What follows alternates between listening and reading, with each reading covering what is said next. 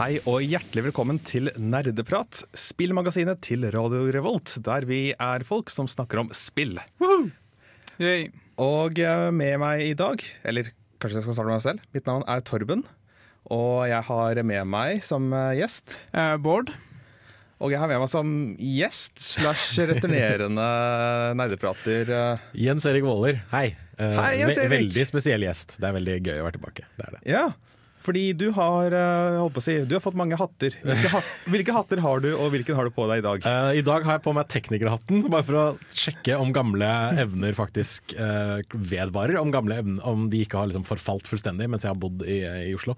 Uh, ellers så har jeg en hatt hvor det står 'Community Manager' på. for jeg jobber for en spillutvikler som heter Funcom nede i Oslo.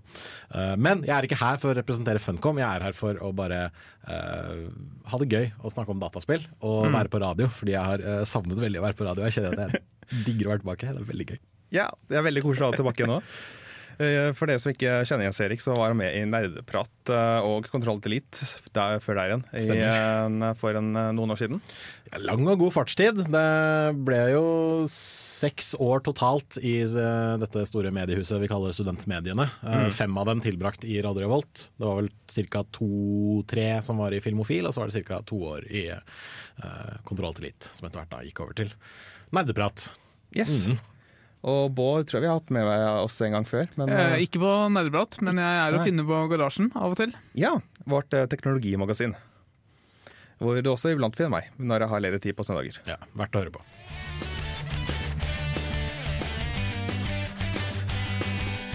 This is James Portnow, and you are listening to Narda Og det ville ikke vært nerdeprat hvis ikke vi spilte spill. Og derfor lurer jeg på hva er det du har spilt siden sist, Jens Erik Å, Oh, herregud. Uh, Eh, ok. Kanskje ikke siden sist, unnskyld, jeg, jeg retter på meg. Hva har du spilt jeg- i det siste? Når var jeg på lufta sist? Vel, det var halvannet år siden. Hva kom ut å spille Nei, vet du hva, jeg skal ikke, skal ikke, skal ikke gå helt inn der. Um, det, har, eh, det har blitt litt mye forskjellig, egentlig. Jeg eh, må jo alltid prøve å spille litt grann eh, Conan Exiles for å kunne opprettholde uh, cred som community manager i Funcom. For de som ikke vet det, Conan Extras er det Funcom holder på å utvikle nå. Det er spill ute i Early Access, eh, og det var nok reklamering for det. Um, men bortsett fra det så prøver jeg å liksom gjøre min egen greie og spille jeg er interessert i. Så jeg har brukt, tilbrakt en del tid med eh, min Nintendo Switch, som yeah. jeg er veldig, veldig glad i. Um, jeg var en av de som kjøpte uh, Switch på lansering, og jeg kjøpte den som har en, en blå kontroller og en rød kontroller, fordi La oss være ærlige, det er den kuleste versjonen av Nintendo Switch. Den der grå mm. helvete, det kan bare gå og henge seg, fordi det er ikke noe pent i det Jeg er helt enig. Jeg gikk på forhåndsspesielt hos platekompene. Jeg spesifiserte ikke hvilken versjon, og de okay. ga meg den grå. Oh, nei, det er ikke riktig. Så, nei. det, det er far jeg, jeg liker farger på, på konsollene mine. Helt Det er liksom- enig. Det, det må være noe mer enn bare kjedelig og grått. Eh, så jeg har spilt eh, noe som heter Golf Story, som er et, eh, et RPG-spill med golfspilling i seg. Uh, Ja, minner jeg veldig om mm. det gamle Super Mario Golf, eller Mario Golf til Gameboy Color, som, okay. som jeg var veldig glad i. Det var mitt andre Gameboy Color, tredje Gameboy Color-spill, var det. Uh, og det var um, det, det er kjempegøy spill, både Mario Golf og Golf Story, hvor du er en uh, up and coming golfspiller som skal prøve å komme seg til, til det profesjonelle ligaen, og alle uh, all sånn trøbbel og, og alt som kommer i veien for deg, må du på en måte hanskes med da, ved å spille så mye golf som overhodet mulig. Så det er litt sånn som uh, Pokémon-verden, hvor alle problemer løses som Pokémon, eller Professor Laton, hvor uh, alle problemer løses ved at uh, folk har puzzles som de skal løse. I bunn og grunn, ja. Det er veldig sånn Hei, jeg, denne måken stjal lunsjen min. OK. Og så slipper du en golfball, og så slår du golfballen til du, til du treffer den må måka som har stjålet lunsjen til fyren, og så slipper måka lunsjen idet den flyr av gårde. Det er, det er den type spill, da. Eh, jeg har også spilt en del, en del Stardew Valley, som kom ut i Switch, som er et av mine favoritter fra i fjor, på PC. Eh, og det yeah. funker veldig bra på Switch. Det er litt sånn lange lastetider, og sånn lang, det, det tar litt lang tid å save og alt sånne ting. Det er litt leit, men det er et uh, ypperlig spill å ta med seg uh, i uh, Switchen. Og eh, sist, men ikke minst, så har jeg spilt en god del av eh, dette Mario plus Rabbids eh, Kingdom Battle. Eh, Ja. Det er kjemperart å spille et Mario-spill som har Ubisoft-logoen før spillet starter. Jeg er enig. Men jeg er kjempeglad i sånn taktiske strategispill à la XCOM og sånt. Jeg er veldig glad i Mario, så det funker eh, kjempebra. Jeg ble så positivt overraska over det spillet. Det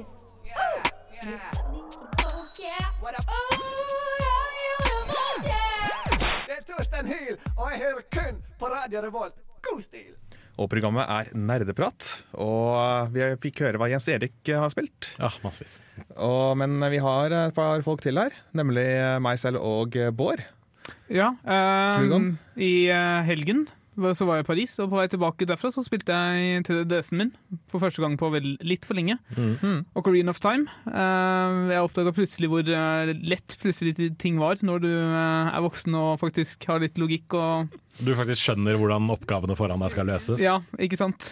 Ja, for du spilte dette her eh, som en del av barndommen, og så er det, returnerer du nå Ja, til jeg, eh, jeg tror jeg aldri Eller jeg, jeg hadde ikke selv, men jeg spilte hos kamerater, og jeg tror vi aldri kom oss til inn i en sånn andre tempel eh, i ba som barn, som også er liksom en tiendedel av spillet eller noe sånt. Jeg var han som alltid måtte sitte og oversette ting for uh, kameratene mine, fordi jeg var bedre i engelsk enn dem. Så hver gang, hver gang det kom en eller annen sånn tekstboks, så bare så de på meg og var sånn Du, nå, hva er det de sier egentlig? Jo, da skal du høre. Det de sier er altså så bare sitter jeg der og liksom oversetter ord for ord. for ord. For det verste er jo, du må jo komme forbi den store utfordringen som, heter, som er den ugla. Ja, for eksempel. Ja, blant annet. Men, også, men, altså, men selv om jeg satt og oversatte, så skjønte vi jo ikke hva spillet ville gjøre. Liksom når Navi sier Hei, hva hadde Saria sagt hvis vi sa at vi skulle redde Hyrule? Hint, gå til Saria og Ja. snakk med henne. Og- og gjerne- Vi skjønte jo ikke det. Nei. Og så er gjerne ett av ordene en annen farge, sånn for å Ja. i- ekstra trykk på Ja, at det her skal du gjøre, men det Dette er, skjønner man det, dette er rødt, dette er grønt, du må gå dit. Som er sånn, Hæ, må vi det? Okay. Hvordan, eh, du, du likte det godt på Ja, TDS-en, eller? jeg liker det veldig godt. Det er veldig, var veldig passende å sitte på fly for eksempel, og spille Mm. i noen timer mens jeg ikke hadde noen andre ting å gjøre. Det er litt morsomt at du skulle grave opp eh, 3DS-en din eh, nå av alle tider. Fordi det har jeg også gjort. Ok, Fordi jeg følger med på en eh, YouTuber som heter Sugar Conroy, som spiller spill på internett. Og han har nylig begynt å spille Animal Crossing igjen. Han spilte før, men nå spiller han det med den nye oppdateringen som kom for et år siden. Ja, Eh, Welcome Amiibo.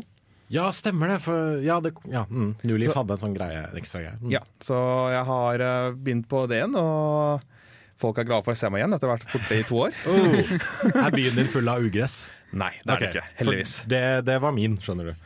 Fordi han, han stakkaren jeg hadde gitt penger for å Eller jeg, jeg hadde gitt han ordre om å luke rundt i byen min. Ja. Han var så overarbeida at han, st han sto midt i byen og sov. Stakkars fyr.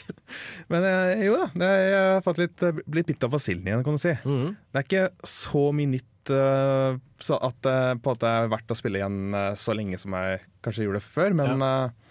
jeg har lyst, lyst til å ta, ta opp igjen og oppleve litt mer. Og du har jo også disse Town Initiatives, som gir deg på en måte litt mer mål i hverdagen. Mm. Sånn at de av oss som sleit litt med å finne mål og mening, kan finne litt, litt mening der, da. Men det er kanskje ikke en sånn Det er ikke en kjempestor sånn, sånn content-oppdatering, eh, liksom. Det er mer bare at det, her er litt grann ekstra du kan gjøre. Ja, Det er en del ekstra hvis du har en Amibo og mulighet for å skanne seg på 3DS-en. Mm. Derav navnet Welcome Amibo. Ja. Men eh, jeg har, jeg har et par Amiboer. Jeg har ikke noe å skanne med. Okay. For jeg har ikke en ny Nintendo 3DS. Ja, da blir det straks litt verre. ja, men uh, det er fortsatt en del nye gjenstander og sånt. og. Ok, Kult. Så noen forbedringer er det. Nerd, nerd, nerder, nerdenytt. Da er det klart for å høre hva som har eh, skjedd i spillverden siden sist. Og med oss som nyhetskorrespondent så har vi Jens Erik. Tusen takk. Eh, Det er veldig hyggelig å være nyhetskorrespondent. Og jeg tror kanskje jeg sa et woo litt for hardt der inne i mikrofonen, men eh, det får så være. Eh, skal vi se, Nå må jeg bare passe på at jeg har skrudd av eh, adblocker på denne nettleseren jeg bruker, for ellers så får jeg ikke lov til å lese gjennom nyhetssakene. uh, men det gikk fint. Det gikk fint. Kotaku.com har eh, tilgitt meg uh, og gjort det sånn at jeg nå kan lese nettsider. Det er litt festlig at du snakket om Animal Crossing i stad, Torben. Ja. Fordi uh, vi har lenge visst at det skal komme et Animal Crossing til mobiltelefoner. Fordi Nintendo har skjønt at eh, hei, eh, det er ikke alle som gidder å kjøpe spillkonsollene våre. Kanskje disse mobiltelefonene hadde vært noe å investere i. Vi har fått eh, Super Mario Run, vi har fått eh, noe som heter så mye som eh, ja, Fire Emblem Heroes, ja, heter det. det det. Uh, som er et uh, Det er et sånn taktisk turbasert uh, Fire Emblem-spill på mobil. eh, som jeg dessverre ikke har fått spilt, men jeg har hørt veldig mye bra om. Og de sa at de skulle eh, gi oss et Animal Crossing-mobilspill. Og folk har liksom lurt veldig på hva er dette greiene egentlig? Fordi eh, det kom ut et eh, nytt 3D-spill som heter Happy Home Designer. Og det Ja. var eh, akkurat det det høres ut som. Du skulle designe hus og hjem for disse dyrene du ofte møter i Animal Crossing. Men nå Endelig så vet vi mer om Animal Crossing til mobil, og det skal hete Animal Crossing Pocket Camp. OK. Ja. PC for short. Ja. Øredøvende stillhet i studio. Jeg har ikke sett denne Nintendo Directen, så uh, hva, hva går du på? Dette er eh, relativt ferske nyheter. Den kom ut eh, tidligere i dag. Sånn fem-tida amerikansk tid. Så det er hot off the presses, som det ofte kalles på engelsk. Det er rett og slett uh, Animal Crossing på mobil. Som vi hadde forventet. Men Eh, er det sånn at du går rundt i byen din og snakker med beboerne og sånt, eller? eh? Nei, for så vidt ikke. Altså, Animal Crossing som nevnt handler jo om at du flytter inn i en by. Det er masse dyr som bor i denne byen. Og så skal du da, eh, i det nyeste i hvert fall, så tar du over som borgermester, og du kan bygge opp huset ditt større, og du kan gjøre masse forskjellige ting i denne byen. Denne gangen så er du på en slags sommerleir. Så du har et svært sånn leirområde, en svær leirplass, som du kan uh, bestyre og, utruste og alt mulig sånne ting, sånn som du selv vil. Og uh, du får eh, masse diverse uh, sånn byggematerialer og den type ting ved å gjøre tjenester for disse dyrene som du, som du lever med på denne, denne sommerleiren. Og eh, du bor, som seg hør og bør, inne i en svær campingbil. Som du også driver av. Men denne gangen så er det ikke Tom Nook som du må drive og nedbetale masse gjeld til. Nå har de introdusert tre sånne pingviner som ser ut som sånne italienske mafioso-tullinger. Sånn som fra Madagaskar. Ja, lite grann. Bare at det er mer, litt, sånn, litt mer sånn smoking-aktig. Fordi selvfølgelig, når de er pingviner. Eh, ellers så er det Det ser i hvert fall ut som det er akkurat som Animal Crossing. Du går rundt og fisker, du samler uh, eh, eh, sånne frukt fra trær, og du går rundt og bare gjør masse forskjellige ting for disse dyra. Men jeg lurer på, Har Nintendo avslørt noe om hvordan de har tenkt å tjene penger på dette spillet? Ja, det er et gratisspill. Akkurat som Super Mario Run var, og det har disse uh, infamøse mikrotransaksjonene som noen mennesker ikke er spesielt glad i. Personlig så tenker jeg at det er helt greit, eh, så lenge det ikke er sånn at du må betale dyredommer for at ting skal bli bedre. Eh, fordi du kan få tak i sånne eh, hva, er det de kaller det? Leaf tickets, kaller vi det. Og du bruker en leaf ticket til å rett og slett kutte ned på eh, bygningstid. For greia, med, greia i Animal Crossing er jo ofte det at du eh, du gjør en eller annen forandring på huset ditt, eksempel, eller du nedbetaler et eller annet, og så sier de OK, kom tilbake til i morgen, så ser du hvordan alt ser ut. Og det var det veldig mye av i det forrige spillet som kom til 3DS, New Leaf. Men nå så sier de at ja, nei, du kan vente tolv timer, så er denne sofaen eksempel ferdig, og du kan du putte den inn i eh, campingbilen din. Eller så kan du gi oss en Leaf ticket eller to, og eh, da kan du kutte ned på, på den tida der. Da. Og uh, Leaf tickets kan du også få gjennom å spille, eller du kan kjøpe det, rett og slett. Og så, eh, Det ligger en sak ute på Kotaku nå hvor det egentlig bare går gjennom alt sammen. Og eh, Sånn jeg har skjønt da, så er det delt opp i et uh, spillkart med masse forskjellige områder. Så du må, Hvis du skal fiske, for eksempel, så må du dra ned til stranda. Hvis du vil plukke frukt, så må du gå inn til skogen. Uh, og det ser også ut, uh, hvis jeg går etter disse skjermbildene her, at man kanskje har et sånt byområde man kan dra til også. Så vi får se. Fordi det fikk en Det fikk litt som Pokémon Go før seg. Så hadde det en ørliten sånn soft eh, launch i eh, eh, i hvert fall Australia denne gangen, dette Animal Crossing Pocket Camp-spillet.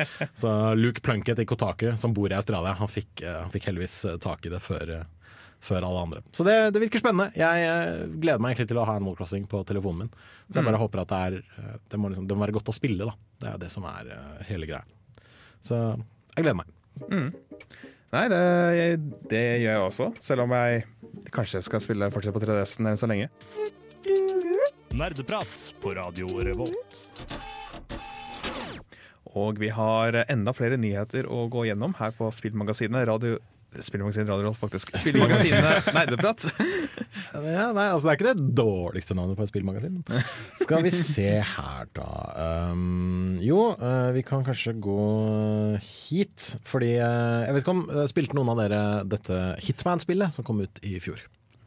Jeg har ikke spilt det, men jeg har hørt om det. At det var episodebasert og kom ut eh, litt etter litt. Stemmer. Det, var, eh, det ble rett og slett et av kritikeryndlingene i fjor. Ja. Litt fordi det var, så, det var så lett og gøy å liksom spille, spille om igjen og om igjen og om igjen. Og det at det var ja, episodebasert, og det kom masse nye ting liksom, ut eh, hele tiden. Nå har eh, IO Interactive, som eh, nylig ble eh, skilt ut av eh, denne Square Enix-paraplyen som de levde under før.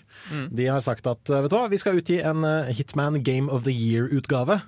Som rett og slett er en, en pakke med alle episodene som er i Hitman-spillet. I tillegg til masse ekstra ting som vi ikke har sett ennå. Og det, det blir veldig spennende.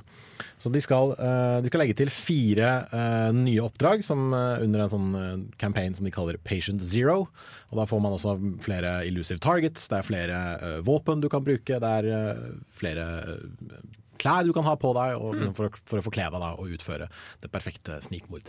Ja, for du nevnte der et eller annet target. Hva heter det? Per, Elusive targets. Elusive, ja. Ja, Det syns jeg er en interessant mekanikk. For det er sånne targets som er på at eh, folk som skal assassine- assassinere. Som. Ja. som er eh, kun tilgjengelig for deg i en viss tidsperiode. Ja, det er jo sånn Og 78, nei, 72 til 48 timer er det som regel. Ja, Og det er eh, Du får kun ett forsøk. Ja, nettopp. Er det lignende sånn som Daily Challenge i Binding Isaac og sånt? På en måte er det det, ja. Eh, hvor alle har mulighet til å takle liksom, det samme målet, men de kan gjøre det på forskjellige måter. Og, eh, så det de da slett, det IO Interactive gjorde, var at de bare satte en ny figur inn på et eh, eksisterende kart. Og disse kartene i det nyeste Hitman-spillet er veldig, veldig store og veldig omfattende. Så var det egentlig bare opp til deg å finne ut av hvordan Ja. du skulle gjøre det. Enten det var å finne en, finne en skarpskytterrifle et sted og sette deg på et tak og bare håpe på det beste, eller kanskje prøve å liksom gå opp bak noen og putte gift i drinken deres eller annet sånt. Er det noe poengsystem tilknyttet som man kan konkurrere i? Ja, det blir en sånn her leaderboard-greie, Ja. men for veldig mange så var det jo bare for dem en måte å eh, utfordre seg selv, og utfordre de evnene og liksom, de, de ferdighetene du bygger opp mens du spiller eh, gjennom historiemodusen. Ja. Fordi der oppdragene i historiemodusen er jo veldig bundet til at du skal jo alltid ta livet av de samme folka i hvert oppdrag eh, i historiemodusen på de samme kartene. Men Elusive Targets var litt mer eh, skal vi si, illusive. De var litt vanskeligere å få tak i og vanskeligere å få has på. Du får ikke trent på det. slett. Nettopp. Det er fordi du har bare den ene sjansen. Du får liksom ikke gått gjennom disse, disse rutinene. Eh, Nei, jeg, det er li- spill jeg har lyst til å spille hvis jeg hadde hatt litt bedre mage til det. Kan du si. ja, jeg skjønner absolutt hvordan det er, men det var et eh, det kommer i hvert fall veldig mye gode YouTube-videoer ut av det, syns jeg. Av folk som eh, setter eksplosiver på toaletter og sprenger en fyr når han skal sette seg ned. Og det, det er liksom ikke måte på hva du klarte å gjøre i det Hitman-spillet. Så det, det tror jeg kan bli gøy. Da, da har man noe å se fram til. Hvis man eier spillet fra før av, så koster det deg bare 20 dollar å få denne pakka. Da. Ellers kan du kjøpe alt sammen samla for 60 dollar. Når var det dette skulle komme? Det skal komme øh, ut, skal vi se uh, Nå må jeg finne det her. Uh, 7. november skal det komme ut. Til eh, PlayStation 4, Xbox One og PC. Uh, vi går uh, litt uh, videre til Skal vi se Jo. uh, vi snakket litt om Nintendo Switch i stad, og det fikk en oppdatering nå nylig. Ja. Som Jeg vet ikke om dere har dekket det på lufta tidligere? Jeg tror ikke det er dekket, så nei. Nei. Men da kan For da, vi da kunne du holde inne capture-knappen, f.eks. Stemmer. Du kunne Så- ta 30 sekunders videoklipp, blant I, annet. I utvalgte spill. Ja, stemmer. Og det viser seg at uh, denne 4.0-oppdateringen til Nintendo Switch Den inneholdt også en liten luring som ikke så veldig mange fikk med seg til å begynne med. Uh, og det var rett og slett at nå kan du bruke en GameCube-kontroller på Nintendo Switch. Og For å gjøre det så må du ha en sånn uh, GameCube til USB-overgang som du kunne kjøpe til Wii U for å spille Smash Brothers, som veldig mange gjorde. Og dette da gir enda mer kredibilitet til ryktene om at det kanskje skal komme nedlastbare GameCube-spill til Nintendo Switch. Jeg, jeg lurer på hvordan i verden Hvem er det som fant ut det her? For eh, Hvem er det som plugger i GameCube-kontroller i eh, GameCube til USB-adapter og plugger det i Switchen, og så tester ut Nei, altså, jeg, jeg aner ikke. Altså, enten så var det noen som bare tenkte at ja, la meg prøve dette her og se om det går, fordi uh, Switch-dokken har jo USB-innganger Ja. det er vel bak eller på sida eller noe sånt. Um, og samtidig så tror jeg også at det veldig mange gjør når eh, en konsoll får en oppdatering, det er jo at de knekker hele dritten opp, for å, for å si det sånn. Det bare åpner opp alt sammen. Ser, liksom, ser på alle de små bitene inni, ser hvordan koden fungerer, ser hva som faktisk har blitt lagt til. Eller så kan det hende at Nintendo satte ut et rykte som viser seg med. Kanskje det, eh, men det er liksom av en eller annen grunn så slår meg det som en veldig un-Nintendo-ting å gjøre. Ja, for så vidt. Uh, så jeg vet ikke, men det, folk fant jo dette golfspillet i Nintendo Switch, som var en sånn eh, hyllest til uh, Satoru Iwata. Som uh, hvis du gjorde en spesiell bevegelse på dagen han døde, så får du spille det gamle NES-golfspillet. Som han var med å programmere. Stemmer. Og det var det også folk som Altså hackere, rett og slett, som bare hadde kommet seg inn i, i Switchen og bare funnet dette her. Så hvem vet? Nedlastbare GameCube-spill. Uh, vi vil selvfølgelig se uh, Wind Waker, Ja. Luigi's Mansion, uh, Super Mario Sunshine. Super Mario Sunshine. Hva mer? Kanskje noe Mario Party. Det er kanskje ikke det beste Nei, Mario Party-spillene. Mario Party. jeg vil ikke ha noe Mario Party, i hvert fall. Uh, men Mario, eh, Mario Kart Dobbeltdash. Nei? jeg vil ikke ha det heller. Nei, jeg, så, øh, nei, jeg har dårlige minner fra Mario Kart. um, nei da, men eh, jeg tror det kan bli, jeg tror det kan bli gøy. Fordi, eh, forhåpentligvis da, så betyr også det også at vi kan få eh, Nintendo Switch, nei, Nintendo 64 en lastbare spill. Fordi det er jo bare å bruke samme kontrolleren, fordi ting er i bunn og grunn det samme. Så jeg, jeg håper dette blir til noe mer etter hvert. Eh, videre til litt PC-nyheter. Uh, Gabe Newell, mannen bak uh, Valve og Steam og alt mulig rart. Valve-guden. Valve-guden, Gaben som vi kaller han, selv om jeg syns det er litt respektløst. Han har nå kara seg opp på 97.-plass av Forbes, uh, Forbes Magazine sin liste over uh, USAs 400 rikeste mennesker.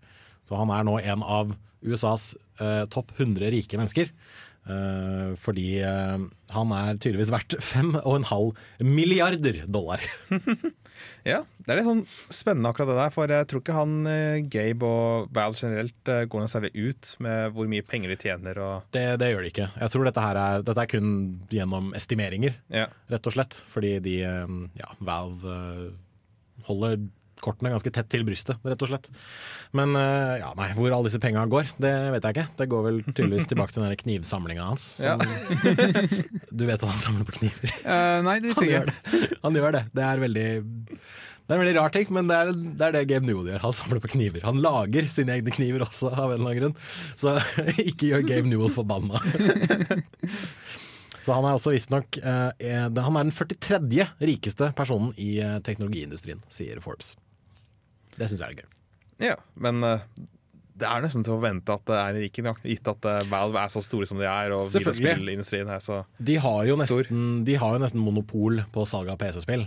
Eh, kanskje ikke i, i faktum, men litt sånn i praksis, på en måte. Fordi de aller fleste, hvis de ikke kjøper det direkte på Steam, så kjøper de en Steam-kode fra Ja. et eller annet annet, og bare liksom putter det inn i, inn i Steam. I Så- tillegg så har du vel hatt ganske god suksess med både Dota 2 og Team Fortress. Ikke minst det. Eh, jeg tror den hatteøkonomien i eh, Team Fortress 2 fortsatt lever og går ganske greit. Og ja, det er, det er mye rart som genererer penger for, for Valve, og gudene veit hvor, hvor alt blir om. Dette er Bare Egil. Det blir mer drittmusikk etter dette. Ja, for vi skal ha en siste bit med spillnyheter. Ja, eh, og dette er en ganske Det er en litt stor bit også, vil jeg tørre å påstå, men jeg kan prøve å komprimere det litt sånn til, til, til eh, det, det, minste. Det, det essensielle er det det heter. Det er så lett å bare hoppe til engelsk når man leter etter et ord, av en eller annen grunn. Så jeg prøver å liksom dytte hjernen min til å finne fram til det faktisk, hva er det norske for dette her, eh, og ikke det engelske. Kjenner dere til forumet NeoGaf? Nesten. Nesten. Ja, jeg, jeg har ikke vært der, men jeg er på at det er jo der det ofte skjer diskusjoner litt sånn øh, spillrelatert, og, og kanskje jeg har funnet en, et eller annet til et spill, og så Absolutt. Det er det er, det er et av de aller største spillforumene i verden, rett og slett. Eh, og det har også vært et sted hvor eh, både fans og utviklere og utgivere og markedsførere og alt, altså all, masse folk som har noe med spill å gjøre, kan liksom samle seg da, og diskutere ting. Og eh, det har eh, Altså dette nettstedet som eh, står for Neo Gaming Age Forums, fordi det, kom, det var en spin-off fra Gaming Age Forums-forumet. Um, det ble etablert for ca. ti år siden, og det har nå eh, totalt eksplodert med kontrovers ut av NeoGaf-forumet. Fordi eh, nå nylig så har det vært veldig mye saker i mediene om eh, kvinner som har blitt seksuelt trakassert av menn i mektige posisjoner. Det er jo kjempekjipt at dette skjer, og det er veldig bra at det blir rapportert om alt mulig sånne ting. Og, Men det viser seg at NeoGaf ikke var de var ikke så stuereine de heller. Eller skaperen av NeoGaf var Ja. ikke så stuerein som folk kanskje hadde håpet eller trodd. Fordi det var en kvinne som gikk ut og sa at uh, han fyren her, han, uh, han har gjort ting han ikke skulle, rett og slett. Uh, og etter at det tok han det tok han ca. en helg å prøve å komme med en eller annen form for statement for dette her. Og da valgte omtrent halvparten av moderatorstaben hans å bare si greit, vi, vi går, vi gidder ikke mer. Og nesten samtlige, veldig mange av brukerne har begynt å poste masse ting på forumene hvor de sier hei, slett kontoen min, gi meg en permaban og bare kast meg ut. Altså såkalte selvmordstråder. altså, for, fordi da de, de Ja. dreper jo liksom forum, forumpersonene sine på en måte. Ja. Uh, og fordi nå gidder de ikke mer. Nå er de lei av at uh, denne fyren uh, som har stått bak disse tingene, ennå ikke har liksom klart å ta eierskap over dette her. da.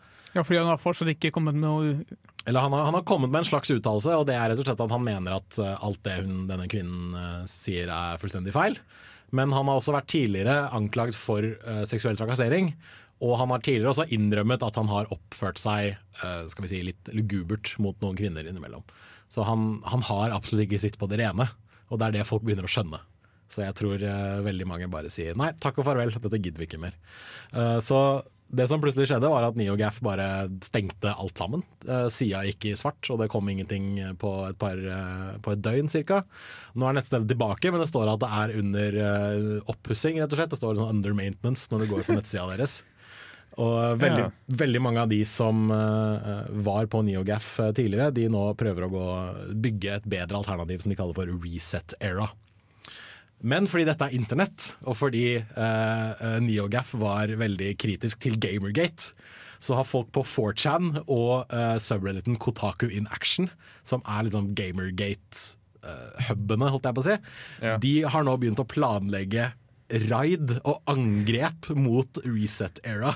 Fordi eh, selvfølgelig, på internett så kan man ikke kritisere noe uten at noen skal være et rasshøl tilbake. Nei, selvfølgelig. Det er jo sånn det funker. eh.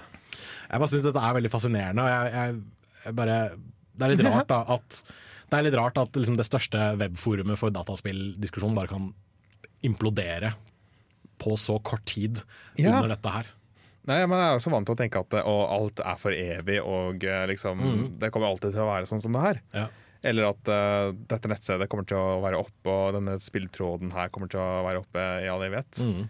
Men eh, det er veldig lett at eh, ting bare forsvinner. Ja, ikke minst. Og også det at det er veldig lett at uh, plutselig viser seg at personen du trodde var en helt OK fyr, egentlig er en komplett tulling. Uh, og jeg, det har vært, har, jeg skal drive og følge med videre, og det har veldig, vært, vært veldig fascinerende å følge med så langt. Uh, jeg kan nevne det at uh, Waypoint, Vice sin, sitt spillnettsted, de har et veldig godt intervju med både han som um, Evil Law er det han kaller seg på nett, som er skaperen av uh, NeoGaf, og denne dama som, uh, som rett og slett har sagt at uh, han har vært en trakas trakassør? Trakasserer? Ja, at han har trakassert henne, rett og slett. Og uh, hun framstår som et uh, relativt normalt uh, individ. Han framstår som en komplett tulling. Men altså, hvordan har NeoGaf skaffet så godt forhold til altså, den som starta det? Bryr man seg virkelig så mye om Tydeligvis, for han var fortsatt en aktiv del av det communityet. Og han var fortsatt en fyr som posta på, på nettsida der. Ok. Og det er jo ikke sånn, altså han har fortsatt Han var med å starte stedet, og han har drevet det siden da. Det er ikke sånn at han bare slutta og ga det videre til noen andre. Han er fortsatt en, en aktiv okay. del bak alt sammen. Så Det er derfor dette blir, blir så, så jævlig. Og det er jo kjipt når en person som har bygd opp noe som, er veldig, som virker veldig velkomment veldig inkluderende, viser seg at han er egentlig en utrolig kjip fyr. Men det viser jo bare at eh, det her er jo mye mer utbredt enn det mange har tenkt. Absolutt, det er det. Og, Det er jo mye av det den eh, metoo-kampanjen eh, også har Mm.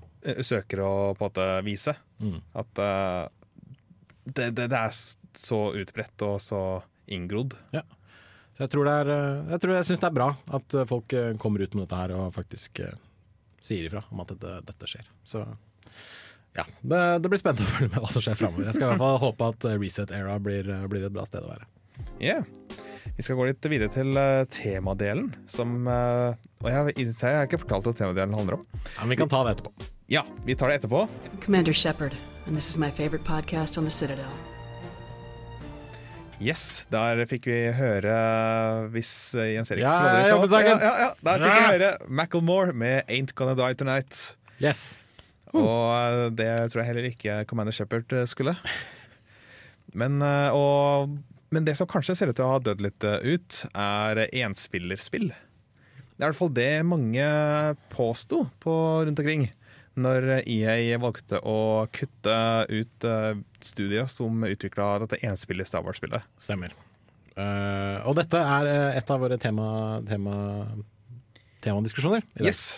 Håper jeg å bruke en radiobegrep som jeg ikke skal gjøre når jeg er på radio. Eh, så derfor tok det litt tid for jeg fant eh, det alternative ordet. Så temaet Jeg har ikke helt formulert hva temaet skal være, men det blir jo vel noe sånn som enspillespill?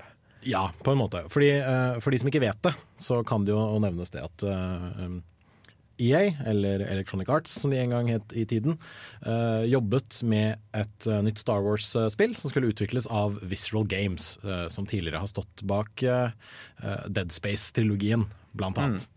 Og uh, det skulle være et, uh, et mm, historiebasert, uh, lineært eventyr. Litt sånn à la Uncharted-serien fra nå til i dag.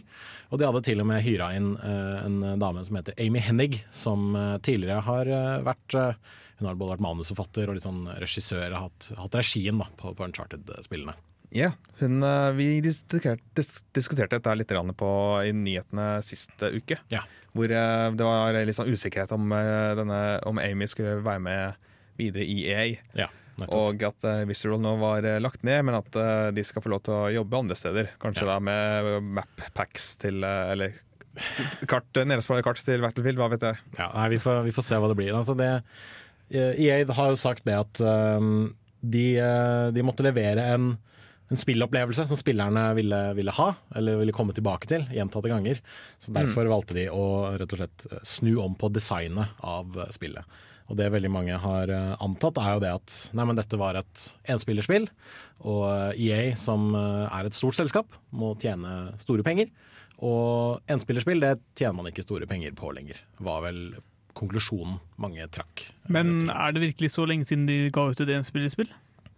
Uh, det er vel strengt tatt ikke det. De prøvde seg jo på eh, det siste De prøvde seg på et nytt Mirrors Edge i fjor, tror jeg. Som eh, veldig mange ikke helt eh, fikk med seg var en greie. fordi uh, EA gjorde ingen markedsføring for eh, Mirrors Edge eh, Catalyst. Eh, og eh, ja, de stakkarene i Visceral har jo blitt eh, spredt for, for alle eh, vinner. Men eh, Star Wars en, altså Jeg vil veldig gjerne ha et Star Wars uh, singleplayerspill, bare fordi det er, det er et univers som gir seg til liksom, som, lar seg man, det, er så Så mul- det, er mulig å, ja. ikke sant? det er mulig å gjøre så veldig mye kult i Star Wars-universet. Og det er jo veldig mange som har gjort mye kult med Star Wars-universet. er, det er, det er vel ikke så lenge siden Force Unleashed-spillene Det tror jeg er ut. eh, Vet du hva, dette skal vi dobbeltsjekke. Ja, sikkert rundt 2010, men altså. Men det var jo enspillerspill i Star Wars-universet, og de Ja. gjorde vel greit, så vidt jeg husker. Jeg tror de gjorde det greit nok, men uh, skal vi se, Force Unleashed 2 kom i 2010. Så det er jo syv år siden. Ja, godt poeng. uh, men altså, det betyr jo ikke at alt er helt tapt, da, fordi Star Wars Battlefront eh, 2 Altså den nye Star Wars Battlefront 2, ikke det gamle Star Wars Battlefront 2. Oh, jeez, Ja, dette ikke sant? det skal jo få en, det skal få en, en kampanjemodus, altså en historie som du spiller gjennom. ja, I Men er- motsetning til eneren, altså ikke den gamle eneren, Eneren, men den, den nye reboot-eneren. eneren. Ja, Ja. ikke sant? Ja, akkurat. Den, den, hadde, den fikk jo litt tyn for å være ganske vel tynn. Ja, selvfølgelig. Men, eh, så de, de har jo skjønt at å ja, det er sikkert noen som vil spille dette her uh, aleine, men det virker som liksom, av fokuset fra Electronic Arts nå i hvert fall er at Nei, men folk vil spille uh, multiplayer, og det er det, det er det vi skal gi dem, i så fall. Er ikke det mye av kritikken som har kommet mot uh, militærskytespill eksempel også? Sånn som Battlefield og Call of Duty, som har fått liksom uh, enspillerkampanjen skjenkt på sånn i hu og hast. Ja, eh, det er sånn Nei, her har du fire timer med singleplayer. Du blir ferdig med det på en formiddag. Og så kan du bare nyte timevis og timevis med å skyte andre mennesker i fleisen. Ja. Um, og det, noe av det tror jeg kommer av at multiplayerspill faktisk bare selger mer.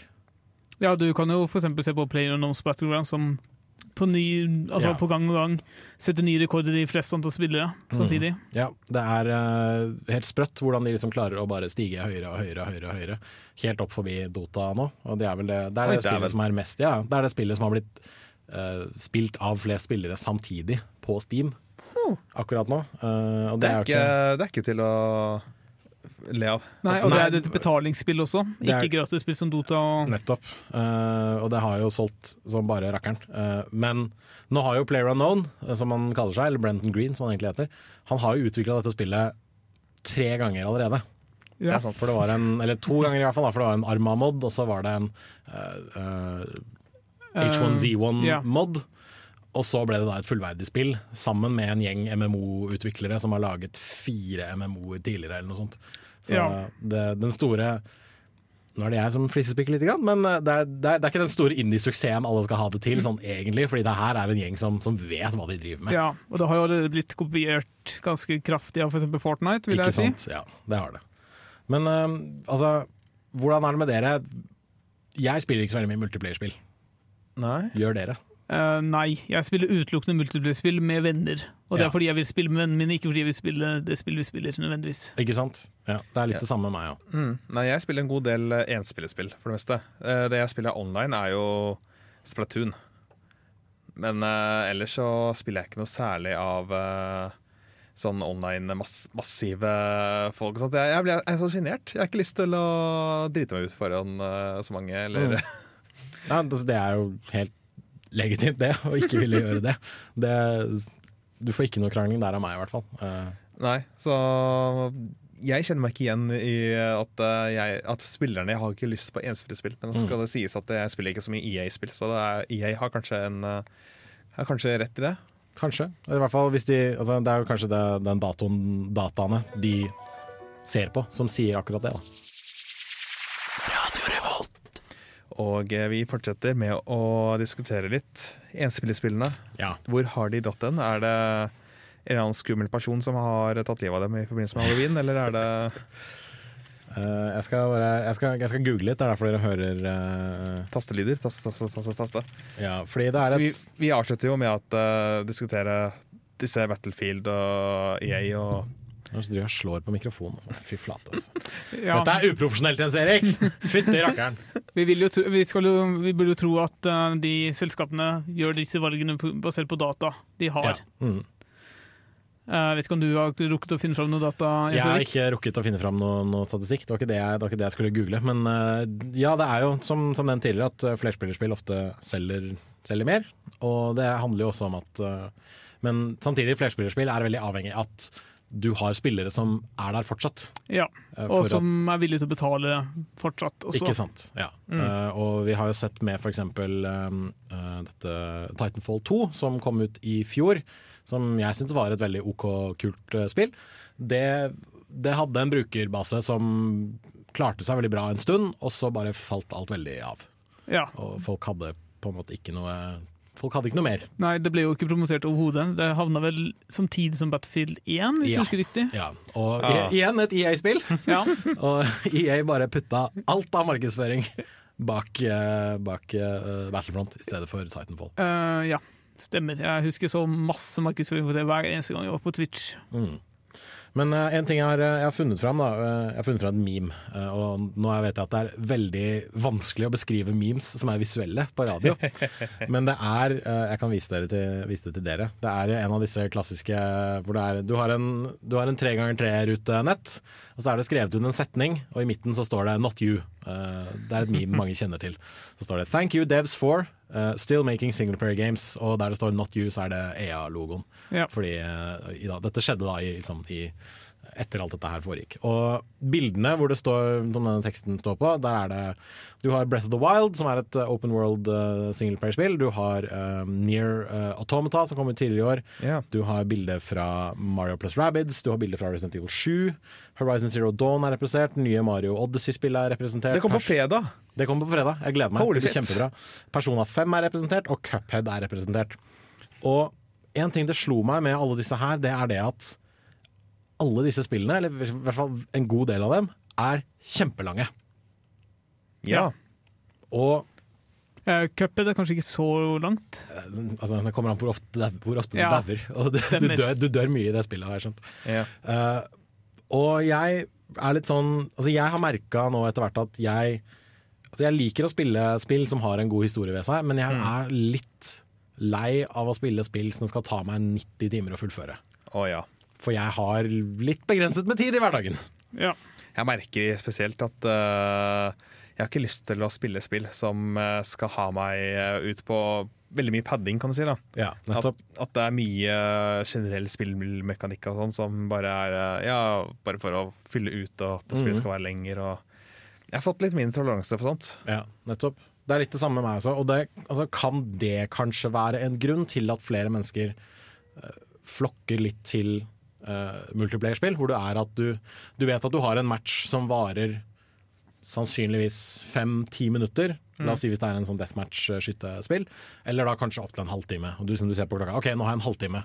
Da kan jeg spille en, en runde Dota 2, eh, potensielt. Eller jeg kan spille en runde PlayerUnknown's Battlegrounds, eller noe sånt. Ja.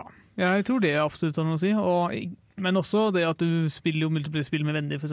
Det er mye mer sosialt akseptert å spille um, Call of Duty med venner enn å spille Mm. Horizon Zero Dawn i 50 timer. Ja, for altså, Du kan jo sitte og snakke med folk når du spiller Horizon, men da skal du jo helst også prøve å liksom, leve deg litt inn i det som skjer, og du har en historie, og du må liksom, Ja. Ja, tenke litt, på veldig mye. det blir fort litt rart å skulle sette seg inn og leve inn i universet, og så blir du revet ut hver gang du skal interagere eller Ja. si noe med dine medspillere. eller noe sånt. Mm. Det, samtidig så la jeg merke til at en del av de spillene her er jo, har jo mulighet for å spille flere i lag. For eksempel Mario pluss Rabbids. Så kan du linke opp med en eh, annen spiller og yeah. ha kamp mot hverandre, iallfall. Kult. Det var jeg faktisk ikke klar over. og i uh, Super Mario Odyssey så kan en annen spiller kontrollere Cappy, denne hatten som Ja. eh, Mario har med seg. Stemmer det. Mm. Og Cuphead er jo et Coop-spill også. Ja, absolutt. Og sofa-coop uh, tror jeg jo er kanskje en litt sånn vei å gå for noen utviklere. Mm, Ja. Gitt at du da har folk som gidder å sitte fysisk i samme rom som deg og spille dataspill. Men det jeg spekulerer i, er at uh, noe av grunnen til at uh, flerspillerspill lykkes så godt, da, er at eh, det er kanskje enklere å bygge opp et eh, Hjelp meg. Community på, engelsk, nei, på norsk. Eh, spillsamfunnet. Ja. ja. At du kan eh, mye enklere på det når du jeg, jeg kjøpte meg Mario Kart 8 Deluxe, mm. sånn at jeg kunne spille sammen med Chris. Ja. Og flere andre venner, for eksempel. Og at eh, det kanskje er, en, det er kanskje noe av grunnen til at uh, sånne flerspillspill har det kanskje enklere med å skulle tjene inn penger mm. enn enkeltspillspill. Fordi eh, det bygger seg mye lettere et spillsamfunn rundt spillet. Det gjør det absolutt. Og det bygger seg kanskje lettere historie rundt det også. Fordi da kan man jo kan man, liksom, man kan dele fortellingen om da den gangen du ga kompisen en juling i Mario Kart. Ja. Eller eh, altså, Ja. Eh, Det er jo um, en ganske kjent YouTuber som heter John Bain. Ja. Eh, også Tolbiske, som sier at god coop er egentlig ikke noe salgselement for spill, fordi alt, all coop er god coop. Du liker å spille med dine. Så det skaper bare masse positive erfaringer tilknyttet det spillet du tilfeldigvis spiller der og da. ja. Ha, det har jeg ikke tenkt på. Det er faktisk en av de få uh, vise ordene jeg kan uh, si at eh, Total Biscuit har gitt meg. jeg er ikke fan. Jeg er ikke fan i det hele tatt. Nei, det, Nei, ja. Så uh, jeg tror ikke vi har kommet fram til en sånn definitiv kon konklusjon, men jeg syns det er hyggelig å diskutere dette her, i hvert fall. Eh, og jeg skal i hvert fall fortsette å spille singleplayerspill, fordi det er det jeg syns er moro. Ja. Og jeg gleder meg veldig til uh, Super Mario, som kommer ut om to dager. Holy shit. Jeg, ja, nei, det blir bra. Og jeg har planer for helgen, og det skammer jeg meg litt over. Du er ikke den eneste som har planer for helgen. skal vi si det sånn. De planene er ikke å spille med Super Mario. Stemmer. Ja. Men Ja, ja. Uh, ja. Nei, vi skal uh, skifte litt rann, uh, fokus, og heller se på mengden med spill som eh, kommer. This is Three Dog, Ow! Listening to Galaxy News Radio, bringing you the truth, no matter how bad it hurts. Og eh, det er nerdeprat og Radio Revolt du hører på. Og vi har eh, nå diskutert litt om enspillespill har noe for seg. Men eh, det som slår oss, er at det er jo ganske mange spill som kommer ut. Ikke nødvendigvis enspillespill. Det er himla mye, skal jeg si deg. Ja, Eh, og nå, etter at, uh, etter å ha gravd litt, så fant jeg en sak hos uh, PC Games N. Som, eh, fordi nå skal vi inn i litt sånn eh, tall- og statistikkland. Ikke sånn Uh. kjempe-hardcore eh, statistikkland, men eh, lite grann i hvert fall. Og det er at eh, antallet spill på Steam bare øker og øker og øker. Og eh, ifølge en Twitter-bruker ved navn Daniel Ahmad, så har vi nå nådd et punkt der det har kommet ut uh, flere spill på Steam i kalenderåret 2017 enn det kom ut i 2016. Så vi er, vi er ikke ferdig med oktober engang. Og det har kommet flere spill nå, altså til, til den 18. så kom det ut flere spill i løpet av 2017 enn det gjorde i hele 2016. Um, og da er jo spørsmålet om vi går mot en sånn et krakk à la det vi gjorde på 70 nei, 80-tallet, 1983 var det, da Atari gikk under, eller om det bare kommer til å øke og øke og øke. Fordi det man ser på, uh, hvis man ser på, på tall og grafer over dette her, så er det rundt uh, Altså rundt eh, 2010, 2011 og 2012 så var det ca. likt antall spill som kom ut på Steam. Ja. Og så begynte det å gjøre et lite hopp i 2013. Og så gjorde det et veldig stort hopp i 2014, og så gjorde det et enda større hopp i 2015, og så et enda større hopp til 2016. Og jeg lurer på når var det Greenlight kom ut? Det uh, kom ut i slutten av 2012. Eh, Ok. og for de, som, for de som ikke husker det, Steam Greenlight var en tjeneste der hvem som helst kunne uh, legge ut spillet sitt og si 'her er spillet mitt, jeg har lyst til å selge det på Steam', eh, men jeg kan ikke betale for det. Og så kunne brukerne da rett og slett stemme opp eh, disse spillene. Viste seg at det var noen utviklere som ikke var så veldig ærlige. Så det endte at de ga ut kopier av spill og sånn eh, mot at folk stemte på For eksempel. spillet. Ja, det, det var veldig mye Folk fant måter å eh, utnytte systemet, og utnytte det på måter som ikke var spesielt gode, rett og slett. Og det har jo da ført til at det har kommet en del spill på Steam som ikke er eh, hva skal vi si eh, Spill? Spesielt gode. Eller Ja. spill, eller, eller ja. Og uh, Valve prøvde jo også da å gjøre om på dette systemet, og lanserte noe som het Steam Direct. Hvor Ja. utviklerne må må betale en viss betale. sum eh, per Ja, spill som de legger ut. Var det 100 dollar? Eller noe? 1000, tror jeg kanskje det var. Som Såpass? er en Eller kanskje, jeg husker ikke helt. Um, enten 1000 eller 100. Det er en enormt stor forskjell på de tallene. Men uh, skal vi se, kanskje jeg kan klare å finne dem ut. uh. Men uh, det har jo ikke senka noe særlig på farten, da, hvis det har eh, allerede nå 100 dollar, faktisk. Ja. Eh, Spørsmålet er jo om dette er fordi det er mye lettere å komme inn på Steam, eller bare fordi mange flere utvikler spill fordi de tror at det er en god idé. Ja, det er jo det jeg lurer litt på også. Fordi Valve har jo uh, De har kasta ut fra Steam nå en utvikler som visstnok eh, drev med såkalt asset flipping. Altså de tok yeah. bare eh, De tok ting som var lagd for uh, andre spill, eller bare liksom, og kasta det sammen litt. Grann. Slang det ut på Steam for en kjempebillig penge. Og Selvfølgelig er det kanskje en eller annen YouTuber som kjøper dette her og syns dette er kjempegøy å lage video til på YouTube-kanalen sin. Eller så er det det at eh, mange folk eh, ønsker bare å få disse kortene, samlekortene, Yes, og selge dem for penger. Og Ja. på den Mm. måten så har du funnet et loophole. Ikke sant. Og veldig mange kjøper disse dårlige spillene av en eller annen grunn. Men samtidig så generelt sett virker det som om utviklere begynner å Altså, I år har det jo kommet ut utrolig mye sånn store greier, og veldig mye oppå hverandre også. Uh, hvis du ser på oktober, eksempel. På fredag så kommer det nyeste Assassin's Creed. Det kommer et nytt Mario-spill, som vi nevnte. Og det kommer uh, Wolfenstein 2, The New Nei, The Old Col uh, the, the, New Old Colossus. The Colossus var det. Mm. Det morsomme er at jeg har hørt folk uh, si dette tidligere om at denne fredagen så kommer ut både Super Mario Odyssey og det nye Wolfenstein. Mm. Jeg visste ikke at uh, Assassin's Creed var Å ja, ok.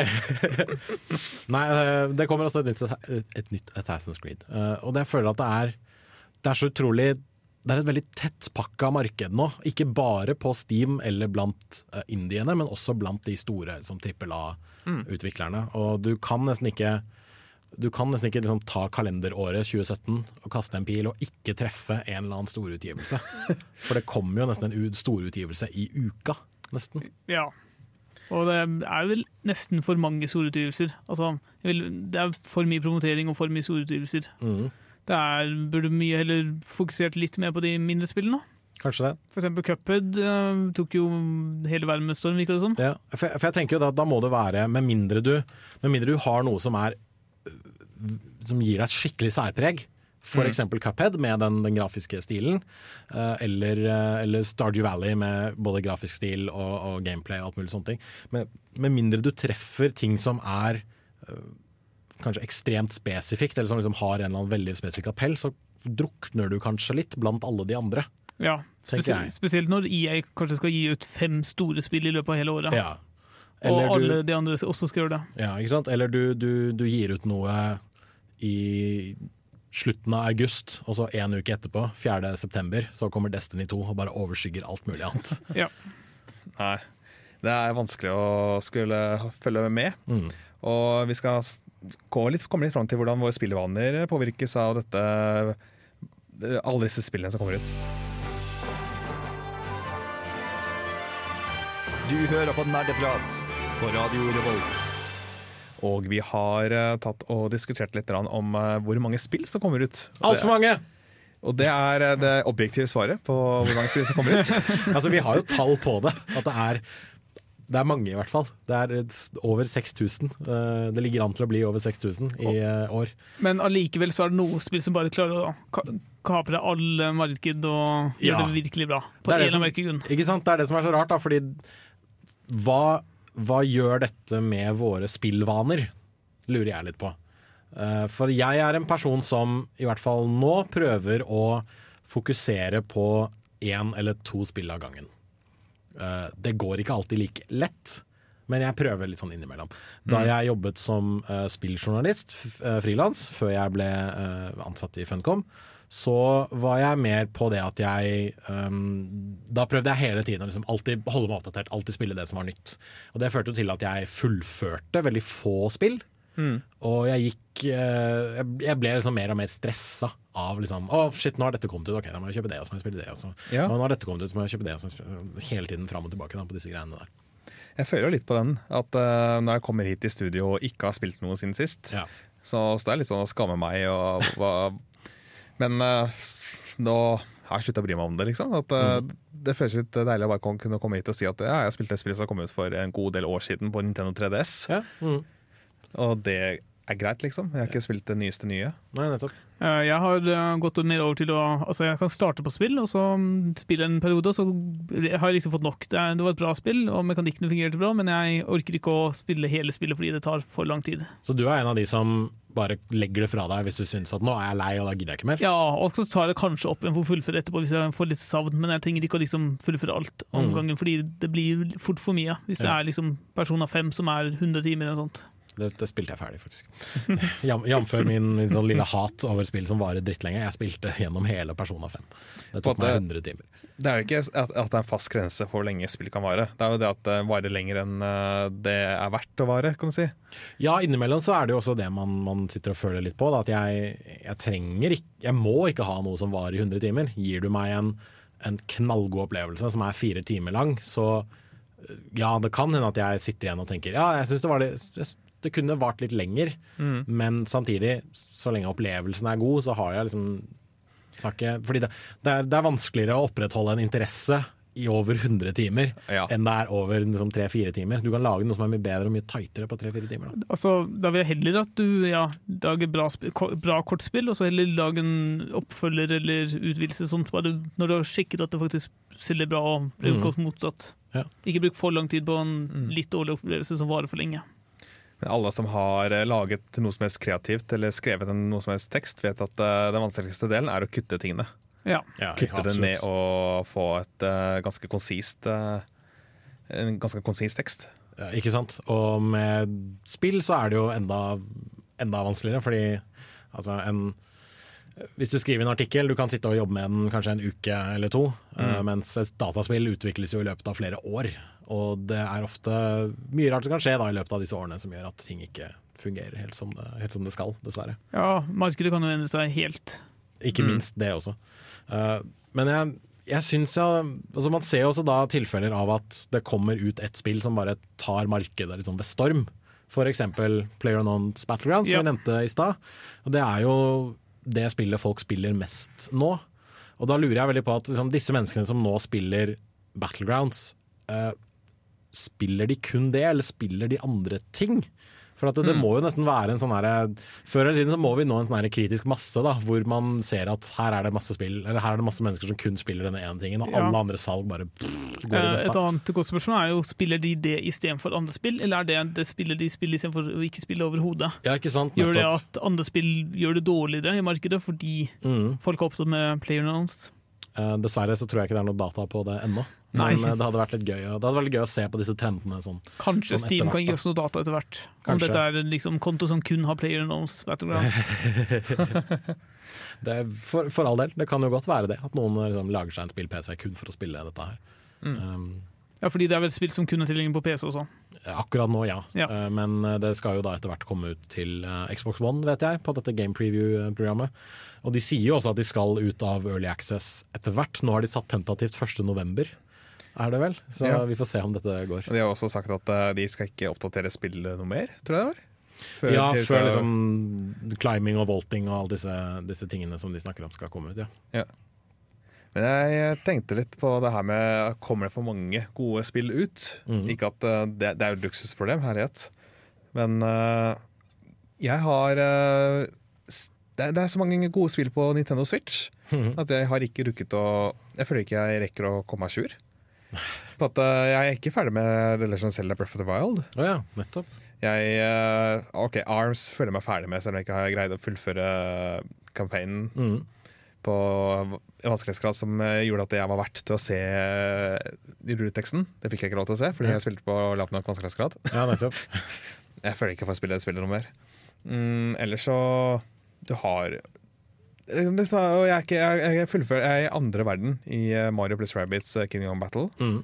Og kunne veldig gjerne spilt litt lenger på det. Og jeg er nå er jeg i noen få brett unna å ha fullført eh, enspillermodusen på Splatoon 2. Nettopp. Men jeg er ikke ferdig med å spille multiplayer. Jeg har spilt det i 100 timer. uh, Splatoon 2 i hvert fall. Såpass, ja. Nei, jeg har ikke så mange timer Splatoon 2. Det har jeg absolutt ikke. Men fortsatt, da, po po poenget er jeg, føler meg ikke ferdig med alle spille spillene, og Super Mario Odyssey kommer på fredag. Ja. Jeg har ikke, ikke problemer med å ha for få spill. Nei. Liksom, Jeg har problemer med å rekke over alt det gode spillene jeg har lyst til å spille. Men altså, tror dere Tror du det her forandrer spillvanene til, til gamere generelt, altså på liksom mer sånn metabasis, eller er vi bare såpass tilpasningsdyktige at vi uh, Noen spiller kanskje en time med Battlegrounds, og så spiller de fire timer med noe annet uh, samme kveld. Jeg tror kanskje de blir eh, altså, Eller i hvert fall påvirket til at at altså, Enten så må du droppe spill, eller så må du spille veldig mye mindre av hvert spill som du spiller. Mm. Og det kommer vel an på kjøpekraften din, som regel. Ja, det er som regel. Og kanskje også om du har eh, i tilfelle multiplayerspill, folk å spille sammen med, Ja. som du har lyst til å spille sammen med også. Definitivt. Uh, og jeg, jeg prøvde meg f.eks. på å spille Fortnite, og grunnen til at jeg droppa det, var fordi jeg dro på ferie i, uh, i to uker. Og da jeg kom tilbake, så var alle de andre jeg kjente som spilte Fortnite, de var på sånn ti nivåer over meg og hadde kommet langt lengre i, uh, i kampanjemodusen enn det jeg hadde kommet. Så da de skulle liksom gå tilbake til eh, til mine kart og mine oppdrag da jeg var på dette lavere nivået mitt, så hadde jo de allerede etablert hvordan de skulle bygge, hvordan de best skulle forsvare noe. Så jeg satt jo der bare og skjøt zombier. For det var ikke noe vits i at jeg hjalp til, fordi de visste jo allerede. De hadde, liksom, de hadde den optimale strategien allerede. Ja. Det er litt kjip når du på at vennene dine har dratt fra deg omtrent eh, i eh, erfaringsnivå. Ikke sant? Eh, Så da endte jeg opp med å egentlig bare droppe Fortnite. Du kan jo prøve å finne noen nye venner du kan, du kan ta med deg. ah, men det er så kjedelig å finne nye venner. Det er så bare voksne mennesker som prøver å finne nye venner. Hvis du trenger ny venn, så kan du kontakte Jens Erik. Nei. Ring meg på telefonnummeret. Nei, jeg skal ikke bruke Radio Revolt som min personlige uh, vennetjeneste. Det, har man Facebook til. Uh, OK. Nei um, Jeg tror ikke jeg hadde noe mer på det temaet, dessverre. Nei, Rekker dere å spille gjennom uh, spillene dere har lyst til å spille gjennom? Både ja og nei. Eh, jeg har allerede spilt så mye Stardew Valley som jeg trengte på PC, så det er litt Det blir litt mindre spilling av Stardew Valley på Switch i så fall. Uh, og spesielt nå skal jeg Men jeg har sagt det at når jeg skal begynne på noe nå, så har jeg lyst til å fullføre det. Så jeg kommer til å bli ferdig med Mario pluss Rabbids, jeg kommer til å bli ferdig med Odyssey, men det kommer til å bli at jeg sjonglerer dem litt, da, rett og slett. slett. At det blir sånn OK, i dag spiller jeg dette her litt, og så gjør jeg dette, og så gjør jeg dette. Og um, det blir vel, det blir vel litt sånn den, den stilen jeg følger framover. Så må jeg rett og slett bare ta ting litt som det kommer, og litt av gangen. Eh, Jeg rekker å være innom alle spillene jeg har lyst til å prøve, som regel. Unntatt Switch, da, som jeg ikke har fått kjøpt meg ennå. Men eh, jeg har jo en plan om å komme tilbake og fullføre dem, men det tror jeg aldri kommer til å skje på de fleste av dem. Fordi Ja. jeg har ikke tid. Du har bare slått deg til ro med at uh... Ja, jeg, jeg måtte bare gjøre det. Ja. Min, eh, min store plan for livet, eller plan og plan Hvis jeg noen gang vinner i Lotto eller på skrapelodd uh, Nå bør det nevnes at jeg aldri spiller Lotto, jeg har ikke kjøpt skrapelodd, jeg har ikke kjøpt skrapelodd på flere år. Men hvis det mot formodning plutselig skjer at jeg vinner x antall millioner kroner, så skal jeg ta et år fri, bare spille dataspill og bare se film, sånn at jeg skal komme meg à jour på alt det jeg trenger å komme à jour på. Så du ønsker deg egentlig flakslodd i julegave? Eh, Gjerne. Eh, Eller bare flere millioner kroner. Ja. Vi har ikke flere millioner kroner, men vi har eh, flere, flere låter å spille.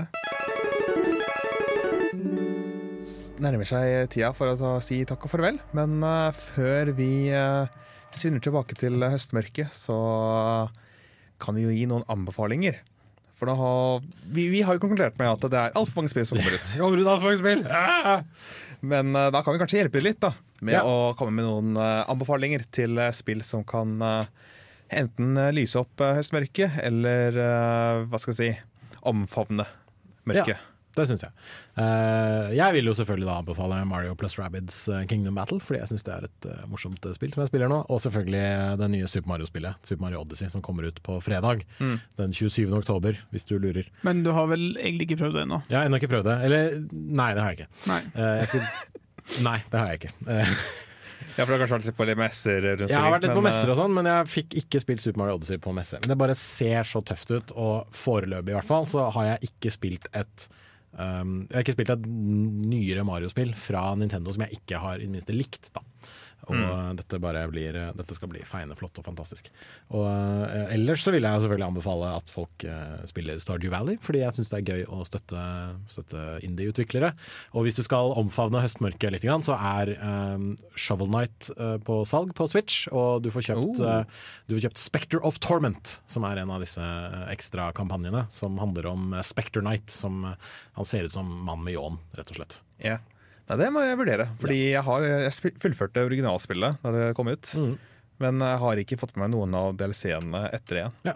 Så du har både den, og du har den uh, trylle... Ikke tryllekunstner, men uh, han som uh, driver med disse kjemi... eh, Ja, han alkymisten eh, eller Ja. noe sånt. Jeg husker ikke hva han heter akkurat nå. Eh, Så det er, det er verdt å spille. Eh, Samt eh, The Binding of Isaac Rebirth er også på, på salg på Switch nå. Og det er litt sånn, også litt sånn Halloween-nytt, dette.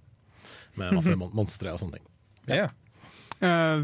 vi kan vel også nevne um, Det er kanskje ikke på salg, men eh, Hollow Night, som har kommet, kommet Ja, på Switch. Det stemmer, er jo også stemmer. ganske bra spill. Og singleplayer, ikke minst. Hall of Ho- Hollow- Hollow, Hollow Knight. Night. Uh, Rogelike, Metrovania-stil spill. Det, det, det har en sånn kaninskalleaktig vesten som du spiller som. Ja. Eh, og så vil jeg kanskje, de som er såpass at uh, ikke anbefaler Shadow of War, men kanskje heller spille Shadow of Mordor, som sikkert uh, har vært på salg og sikkert kom på salg det Steam. gjør det helt sikkert. i løpet av måneden. Mm. Eller neste måned. Ja, kult spill. Mm. Nei, jeg kommer ikke på noe særlig anbefale selv. Det er eh, Splatoon 2, da. Som, eh, vi- hvis, hvis mine 100 timer i Splatoon 2 er en anbefaling, så det, det, synes jeg det skal være. Altså, I og med at du har holdt på i ca. 100 timer, så syns jeg absolutt at det er Jeg, en jeg, jeg, anbefaling. å jeg er ikke en av dem som bruker 400 timer på spill, og så sier 'not recommended' på Steam. Nei. Og, og det er eh, kanskje timer du gjerne har spilt alene, så det er ikke sånn at du må spille med venner for å nyte det. Ja, nei, jeg, har ikke, jeg kjenner ikke noe særlig som spill, andre som spiller Splatoon 2. Nei. Mm. Så jeg spiller mot eh, folk på nettet. Men de kan ikke kjefte på meg, så det trives jeg veldig godt. Nei, fordi voice acting, nei, voice chat-løsninga til Nintendo er Det er, det er, er, det, er det voice chat-løsning på Splatoon? Ja, er det noe sånt. Jeg har ikke, har ikke er det, ikke en, er det ikke en app du må laste ned til telefonen din, så må du koble telefonen inn i en sånn dongle, og så må du koble dongle inn i eh, switchen din? Hvis du har lyst til å høre både lyden fra telefonen din og switchen samtidig, ja. Ok, greit. Det er i hvert fall eh, Det er rart. Det er mye rart som skjer, eh, og Nintendo har definitivt en Nintendo-aktig løsning på det. Ja. Så jeg kan ikke ak akkurat anbefale voice chat-løsninga til Solitude 2, men okay. eh, jeg koser meg veldig med det likevel. Og Ja. også Mario pluss uh, Rabbits King of Battle vil jeg også støtte anbefalingen. Cool. Sett deg heller i samme rom med noen for å spille Splatoon med dem.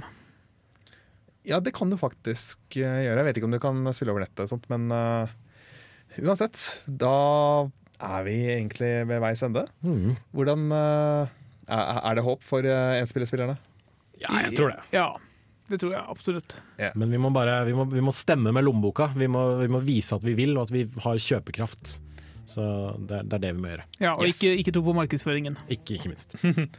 Nei, Vi avslutter med låtene Kama Desire av Kamasi Washington og Fjern av Softcore United.